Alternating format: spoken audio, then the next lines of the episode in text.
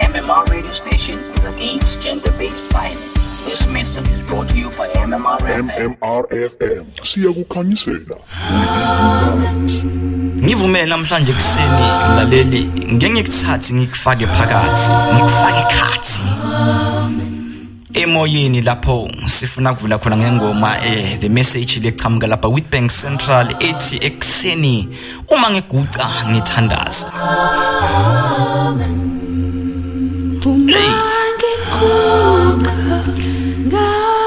sifuna kwenda njalo ekuseni ngamasa sinibingelele nonke emakhaya sinibingelele lonke balaleli be-mmr radio station. Sithi jesu abe nani namhlanje kuseni lokhuluma nani lapha e-mmr radio station mfundisi mpele. Sithi thina-ke sikulethela kukhanya sithi thina-ke we are the only multi-language radio station. In the sda but sikhulumisana nabo bonke bamvu bakajehova labafuna ukuva livi lakhe. Sibulise bonke bogogo sibulise bonke bomkhulu bomake bobabe bobhuti bosisi. Namhlanje kuseni sithi ekseni guqa uthandaza. Jesu utokuva nzambama ngaphambi kokuthi ulale guqa uthandaze.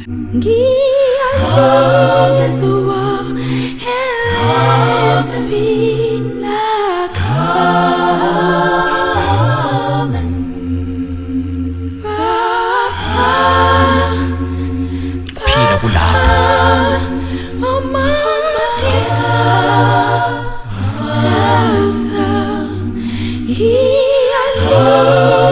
Hey.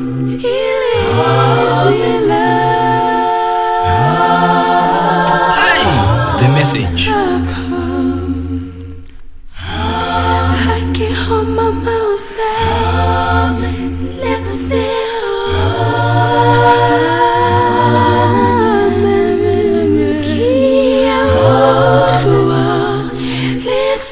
labaningi babuta bathi kanti mfundisi impelo yakwathi kusakatha ngesiswati na? Bakithi mntu ukusakatela ngesiswati utosala umangele. Ngiliswati phela mina ngikhathi engadini.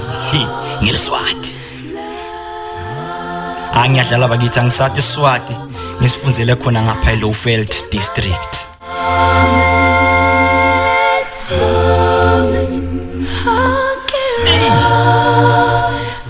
Batakushela yona futhi nangasitswana.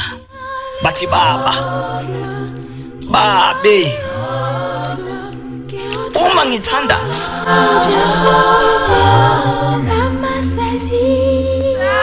ngiyaliva izwi lakho livi lakho ngiyaliva ngiva nesandla sakho baba hey oh hansi ke rata bjang ha ba re ramasedi oh ramasedi hey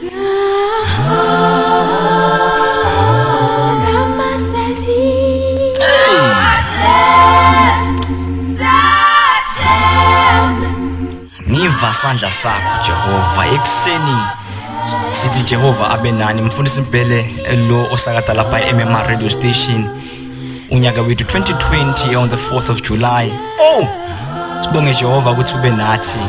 Labangathi lo sakata lapha eMMR radio station lona ohla- ohlala sakata lapha.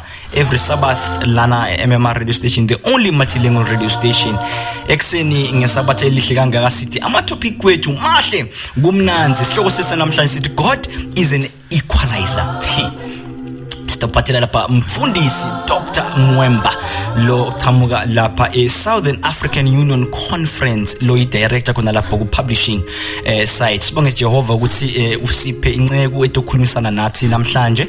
Eh, sibonge ukuthi eh, nani balaleli ni ready ukusiva ukuthi namhlanje jehova uthini. Sibonge kakhulu balaleli bonke laba eh, communicator nathi via whatsapp via facebook and via youtube. Don't forget siyakhona futhi kusubscribe lapha ku youtube not only that that eh Facebook siyakhona ukukhuluma ama message eh such things like ama audio sibunga kakhulu khona laba butile ngama audio ukuthi ayatholakala. Yes ayatholakala. And eh lokho kusende ukuthi sende i group whereby we are able to communicate and post everything eh leyo group ke iyatholakala lapha ku Facebook uyakhona just upressa i link bese i link ikufaka phakathi enkhathi lapha eh ku WhatsApp group lapho sitokhona ku update ngawo konke lokwendakalayo right here on MMR radio station. Sithi Jehova abe nani this radio station eyethu sonke. Wena uphakathi noma ungaphandle wena okhona ukuva noma ungeva sithi Jehova abe nawe akusingathe namhlanje kuseni ke asifuna ukuthatha isikhathi lesiningi sifuna ukungena ku proverb time masuka ku proverb time bese siyakhuleka. Sinike eh, mfundisi eh, Dr Mwemba asiphe eh, mavi lavela ku Jehova simnike isikhathi ample of time. Nyathi ke ukuthi every sabbath sinesikhathi lapho sifunda khona ngo proverbs sifunde sifundisane ukuthi empilweni uma uhamba uphilisana nabantu kumele ubehave kanjani ngoba siyabona lapha eBhayibhelini lapha unkosi uSolomon uyasifundisa ukuthi siphila kanjani nabantu siphila kanjani nabantu ekhaya nabantu etikolweni nabantu einkonzweni nabantu lemisebenzini eh namhlanje sifuna kuva ukuthi sifunzani sithola ini lapha ku Proverbs unkosi iSolomon mavi lavela ekhaya ezulwini. kuJehova. Sifunda u Proverbs chapter 12 sifuna kubuka lapha eh u verse 23 lothi a wise man doesn't flaunt his knowledge but a fool blurts out whatever comes to mind. Ngifuna kuyifunza futhi la lapha eh, nge living bible. Eva ngisaze kakhulu nge Living Bible. Eva ukuthi sini ithi a wise man doesn't display his knowledge. But a fool displays his foolishness. Nkosi yami uthini eSolomon lana. Listen uthi make babe budi nasisi labahlakaniphile abahambi bakhomba abantu ukuthi bona bahlakaniphile. I just hope we heard. Oh awuhambi ukhomba abantu ukuthi wena uhlakaniphile. Lento iyazenzakalela. Asingaboni wena maye sofuna ukusikhomba ukuthi uhlakaniphe kangakanani. Wena nguwe nguwe waya waya unje ufuna ukusikhomba ukuthi uhlakaniphe kangakanani. Solomon mavi lahlakaniphile athi namhlanje a wise person does not do that. Mumvu babe make sisipudi abakwendi lokho mangabe bahlakaniphile. Lo lokwendako ofuna ukusikhomba ukuthi uhlakaniphe kangakanani Solomon uthi kulapho akhomba khona ubula bakho noma ubulima bakhe. It is where you expose your foolishness because you want to show us how smart how wise you are. Kanti eh you are just showing us your foolishness Nkosi yami. Labangivile bangivile labangangivanga bangivanga ntayibamba ngelinye lamalanga. Kodwa namhlanje lesikufunzako sithi akusikuhle ukuthi sihleli noma ukuthi uhleli nabanye abantu abangani bakho emsebentini enkonzweni noma kuphi kuphi wena ufuna ukuappeara uhlakaniphile. You are always demeaning other people even nasemshadweni. Make husband wife akusiright ukuthi ufuna wena ubonakala wangathi ugcame ukudlula your spouse. It's not right. It's not right solomon it is. That's the act that's the behavior of a foolish woman a foolish man. Foolish girl or foolish boy. Uthi umuntu ohlakaniphile akumele azithobe. That thing iyazenzakalela. Sivele sive ukuthi yo lo make uvele waphakama wakhuluma kwevakala lo babe unesithunzi lo sisi lo bhuti. Yo ya hayi ukuthi sikhombe ukuthi wena uhlakaniphile. Uthi uSolomon iBhayibheli lithi ubula lobo lo hlakaniphile utovela akhulume ngoba iBhayibheli lapha kuEcclesiastes chapter 3 uthi yonke into ngaphansi komthunzelanga iyenteka ngesikhathi. Yonke into yenzeka ngesikhathi. Kunesikhathi ukuthi uthule kunesikhathi ukuthi ukhulume kunesikhathi ukuthi konke kwendeke ngesikhathi. Uthi uma ukhuluma khuluma stopick up lapho thina ukuthi lo lokulo muntu ukuhlakaniphile lokhu. Lokumuntu kuyakhuluma kunamavi kuyasinza. Awungabi nguweke sofuna ukusikhomba ukuthi wena uhlakaniphe kangakanani. Ukuthi uSolomon buwula lobo olohlakaniphile be humble as a dove. Kuzozibonakalela oh! Kwangathi uNkulunkulu anganibusisa lamavi niphile ngawo in the society in life emsebentini enkonzweni. Akungabonakala uma ucomment lapho ubonakala ngathi uhlakaniphile. Wena yonke into eh no don't. Solomon says no god says no. Mawuhlaniphile uhlaniphile but ungasikhumbi ukuthi uhlakaniphile sofuna ugcama ukuthi sonke. I think izwakele unkulunkulu anibusise. May god add a blessing on his word. We pray wonderfully ukuthi jehova sibusise. We want to uh, pray bese sinika umfundisi dr. Muemba ukuthi asibelieve siyakhuleka. Nkosi bamnamandla namhlanje kuseni ngesabathe lihle kangaka ube nathi eh mdalo wesinomhlaba sicela ukuthi ngosi bamnamandla manyalo uma sitongena evini lakho ubusise incebo yakho ngosijibaba namandla umfundisi. Emwemba ukuthi asiphe amava aphilisako bonke laba batothola amavi laphilisako baphile. Siphile siye phambili. Sibonge Jehova isikhathi lesise esihle. Igama Jesu Christ uThixo phakathi amen. Bazalwane bakithi balaleli emakhaya nabo bonke laba lalela i-mmr radio station nginika mfundisi dr muemba. God bless.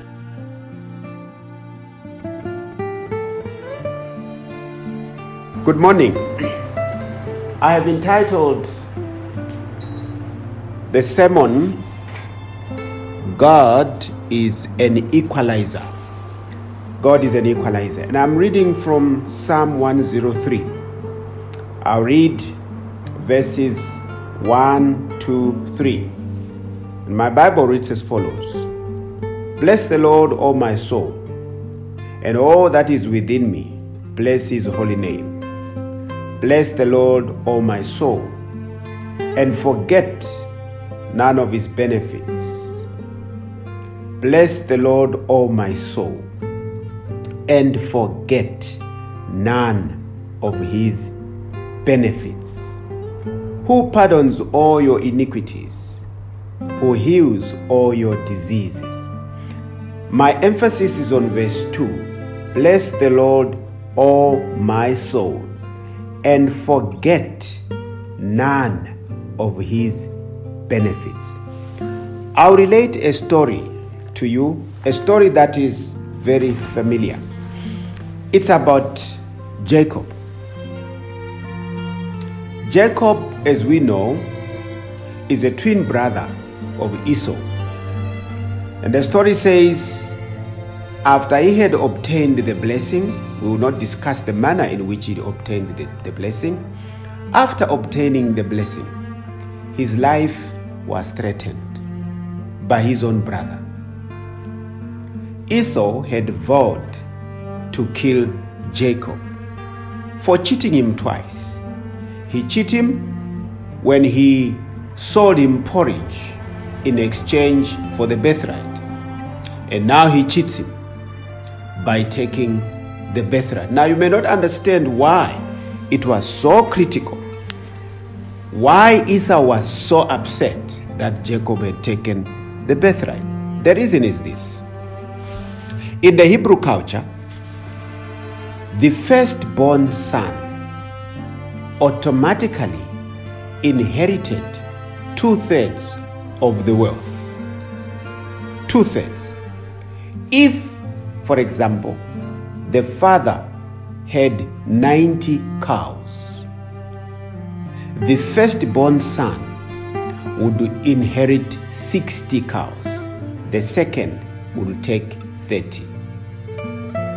Now, the taking of the blessing was not just taking the blessing, it was also taking a large amount of the wealth of Isaac by Jacob. But of course, according to the story, he didn't have time to inherit that because his life was threatened. So, what happened? What happened is that Jacob had to flee for his life. Where does he go? He goes to Mesopotamia to his uncle Laban. Now, Laban was the brother to Rebekah, the mother of Jacob. You remember when Eliezer went to look for a wife for Isaac? Abraham made him vow that he cannot take a wife for him among the Canaanites. So he had to go to Mesopotamia. And he got Rebekah, the sister of Laban. So Jacob flees to Mesopotamia under the instruction of the mother Rebekah. Go back to where I came from. Go to your uncle. Now, the story says as he goes there, as he approaches Mesopotamia, he comes by a well. He stops by a well. And he sees three flocks of sheep, and, and, and, and there are shepherds there. And then he says, Brothers, where do you come from? And they said, We are from Haran. Now, Haran was the home of Laban and Rebekah. We come from Haran. And of course, the story continues to say, Well, after some time, he assisted with the removing of the stone from the mouth of the well, and the sheep were watered. And of course, the gentleman pointed him to Rachel, the daughter of Laban. The story continues to say, when he saw Rachel, the Bible says he rolled the stone. He kissed Rachel and wept. And after some time, he followed Rachel to her home. And that was Laban's home. Now the story will say Laban had two daughters. It was Rachel and Leah. And I want to read verse 29 for you. I mean, chapter 29, verse 16. Now Laban had two daughters. The name of the older was Leah, and the name of the younger was Rachel. And Leah's eyes were weak, but Rachel was beautiful of form and face.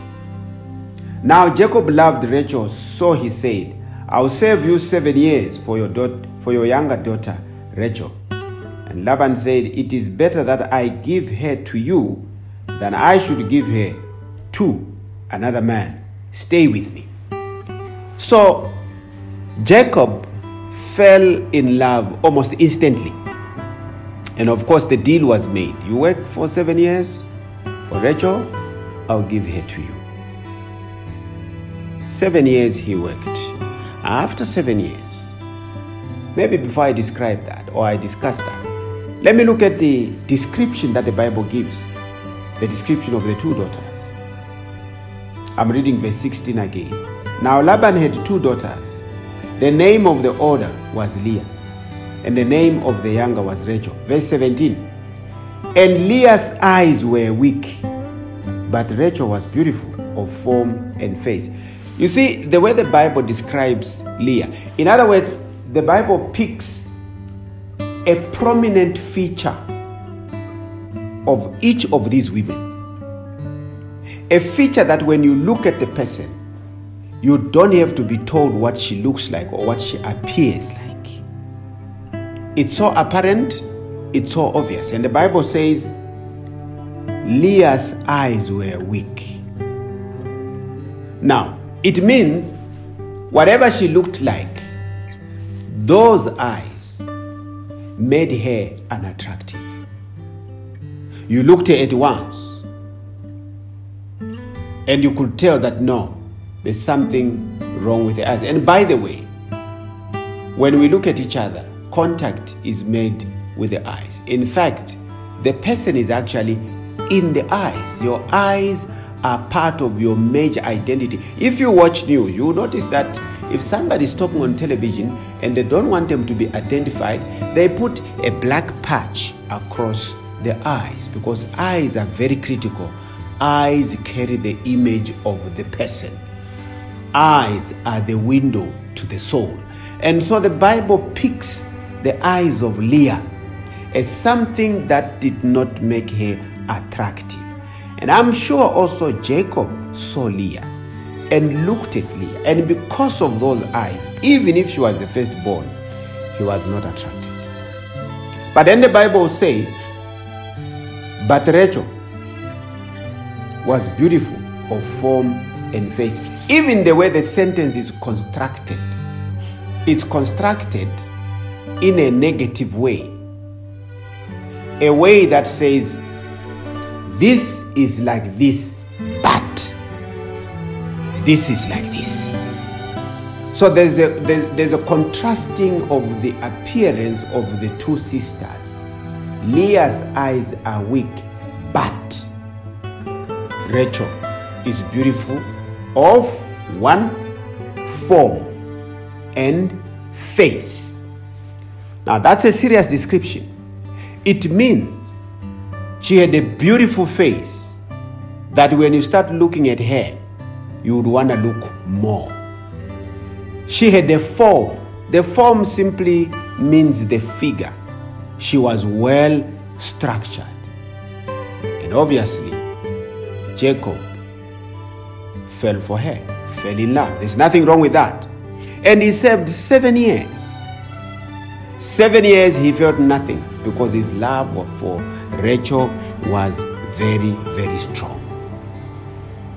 Now, when the day of marriage comes, of course, we know the story. Instead, he's given Leah. He's given Leah. Now, there's something, something a bit mysterious here. Remember, before he arrives at Laban's place, at Bethel, Jacob meets God and they make a deal.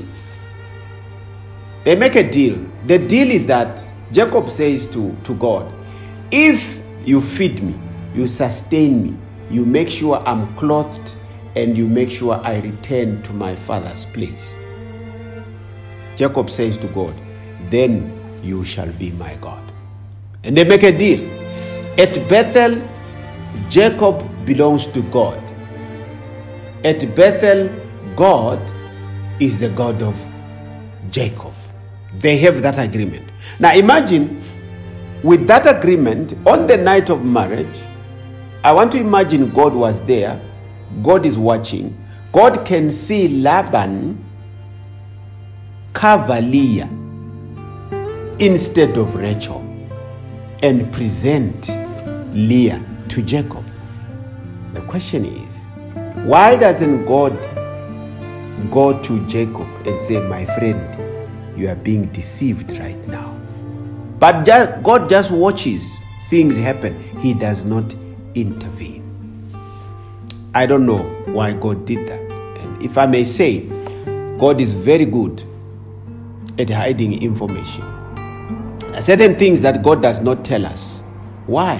Because we might mess up the plan. Even in the story of Rebecca, the Bible says in Genesis 24, verse 15, before Eliezer finished preach, praying and asking for a young lady, Rebecca was there. In other words, the prayer is answered before there is an amen.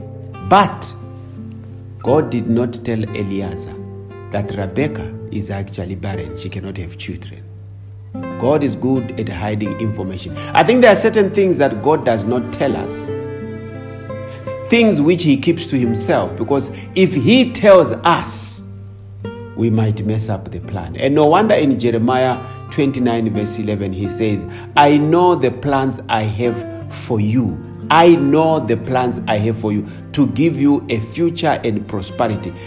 He says he knows the plans he has for us. He does not say we know the plans. No, we do not know the plans, but he knows the plans. He knows the plans. It's him who knows the plans, and he reveals them to us one day at a time. If God was to give you a plan of your life, two things might happen.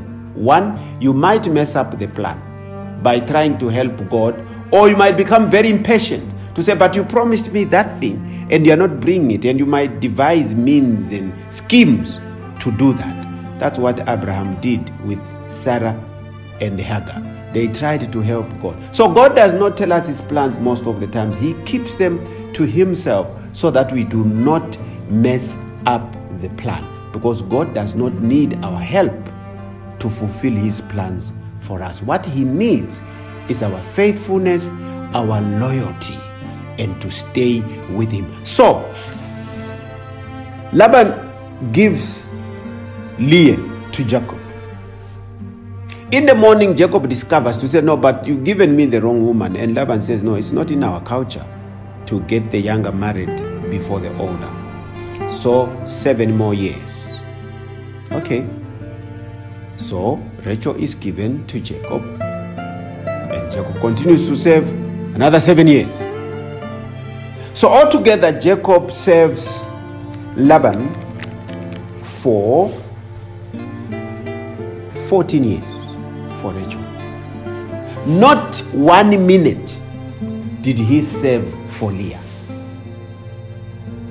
Not one hour, not one day, not one month, not one year. All the 14 years were dedicated to Rachel because his passion was with Rachel. And I wonder how Leah felt. I wonder how Leah felt in that home that so I'm here. I'm here cheap. I'm here undesired. I'm here unrequested. I'm here unvalued. In the modern day, we would say she was a woman in the home without lobola. Nothing had been paid for her. I mean, if, if, if, if, if nothing was paid for her, it actually meant anytime she wanted to leave, she would have left, and Jacob would not even have asked a question to say, Where is Leah? Because according to Jacob, Leah was not his wife, Rachel was his wife. But here's the point I'm making. My sermon title is God is an equalizer. God is an equalizer. The fact and the truth of life is that there is no one who has come into life and God has underprivileged them. There is no one who has come into life and God has not given them a talent that can shine before everyone. There is no one who has come into this life inferior. We all have come with a particular ability, capacity, and talent. Except that sometimes we do not have the opportunity. But even if you don't have the opportunity, here is the truth of the matter. The truth of the matter is that God is an equalizer. God has not given others more and others less. Otherwise, we could have taken him to court to say you are a very unfair God.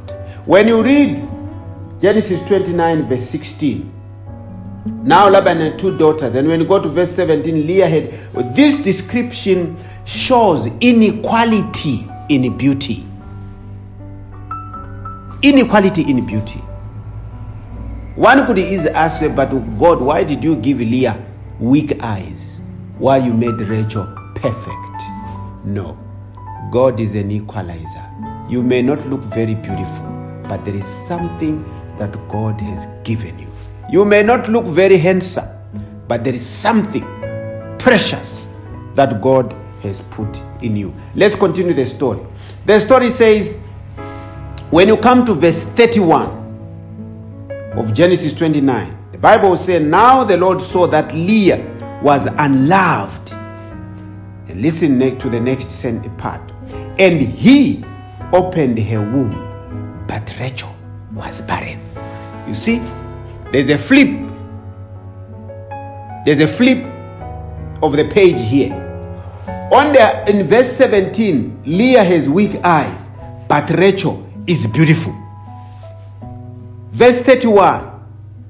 Verse 31. Leah is unloved, her womb is opened, but Rachel is barren. In verse 17, the negative is on Leah. In verse 31, the negative is on Rachel. So Rachel had a negative, a negative which you could not see with your negative, naked eye. Leah had a positive, a positive you could not see with the naked eye. So I'm simply saying, do not look at life with naked eyes. Look at life with the eye of faith. An eye that sees beyond what flesh will show. Look at people not with a naked eye, but look with the eyes of faith, an eye of belief and trust that each person carries something precious from God. And so God opens the womb. What happens when God opens the womb? Let me cut the story short. This is what happens Leah conceives, brings forth Reuben. Leah conceives, brings forth Simeon. Leah conceives, brings forth Levi. Leah conceives, brings forth Judah. Four sons. And in the Hebrew culture, in the Hebrew culture, fertility was an important thing. Barrenness was something to be frowned upon. In verse 17, Leah is negative in appearance. Verse 31, Rachel is negative in fertility. God is an equalizer. So there are four sons Reuben, Simeon, Levi, and Judah. And I want you to see something very, very powerful and important. One would ask a question Why did God allow Laban to deceive Jacob? You know why? God has a plan. God is like a script writer, and we are all players in the soapy of life. He's like a script writer, and he keeps the script to himself. That's why when God has a plan for you, no one can intervene and disturb because God has not put our lives into the hands of other people. No one, let me tell you, no one can curse you in life and say your life shall be like this and that. It's impossible because your life is not in the hands of another person, it's in the hands of God. So God says a script. In the script of God, the plan of redemption is in the womb of Leah. The plan of redemption. If you look at the sons of Leah, you find Levi. Who is Levi? The priesthood. The priesthood is in the womb of Leah. You look closely, you find Judah, you find the Lamb of God. Judah is the Lamb of God. Jesus is known as the Lion of Judah. Judah is the ancestor of Jesus Christ. Levi is the ancestor of Moses and the rest. So the priesthood, the Levites and Aaron, they come from Leah. The lamb comes from Leah. So in Leah was the plan of redemption. What am I saying to you, my sisters? I'm saying God is an equalizer. Do not look down upon yourself. If something is not obvious to your naked eye, don't be tempted to think it's not there. It's there. It not, was not obvious to the naked eye. If you looked at Leah, you saw weak eyes. But beyond the weak eyes was the very plan of redemption. Leah carried the ancestry of Jesus Christ. Leah carried the ancestry of Aaron. The temple, the sanctuary, what Leah was carrying are the ministers of the sanctuary and the lamb, the Levites and the lamb.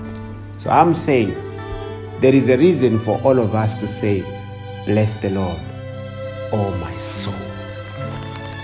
Bless the Lord, oh my soul. And all that is within me, bless his holy name. Bless the Lord, oh my soul, and forget none of his benefits. May the Lord bless you as you remember to praise him and give glory to him. May Jesus look after you. May Jesus preserve your lives during this COVID time. Remember, it might not be obvious with the naked eye, but God has put it there. In the name of Jesus, May the Lord bless you. Amen. Let's pray together. Father in heaven, we are grateful and thankful that for each individual there is a plan. A plan that may not be obvious to the naked eye, but a plan that will be fulfilled in time. Thank you, Lord, because you are an equalizer. Give us a spirit of not looking down upon ourselves, but to appreciate the way we are created in the image of God. Thank you, Jesus. In the name of the Lord we pray. Amen. sibonge kakhulu umfundisi Dr Mwemba losiphe Mavila aqinisako namhlanje ngitive ngifuna ukukhuluma ngeSwati ah he, angathi office what some improve angisiliswati ke ke mina eh ya mara Swati ya ngiyasikhuluma ngathi amaswati abangirate Hey, but mfundisi swathi sakho sinyakuva siyazama noma siyeda. Yebo vele ngiyavuma lamanye lamagama anokungiphambanisela kodwa ngithi-ke ke right here on mm radio station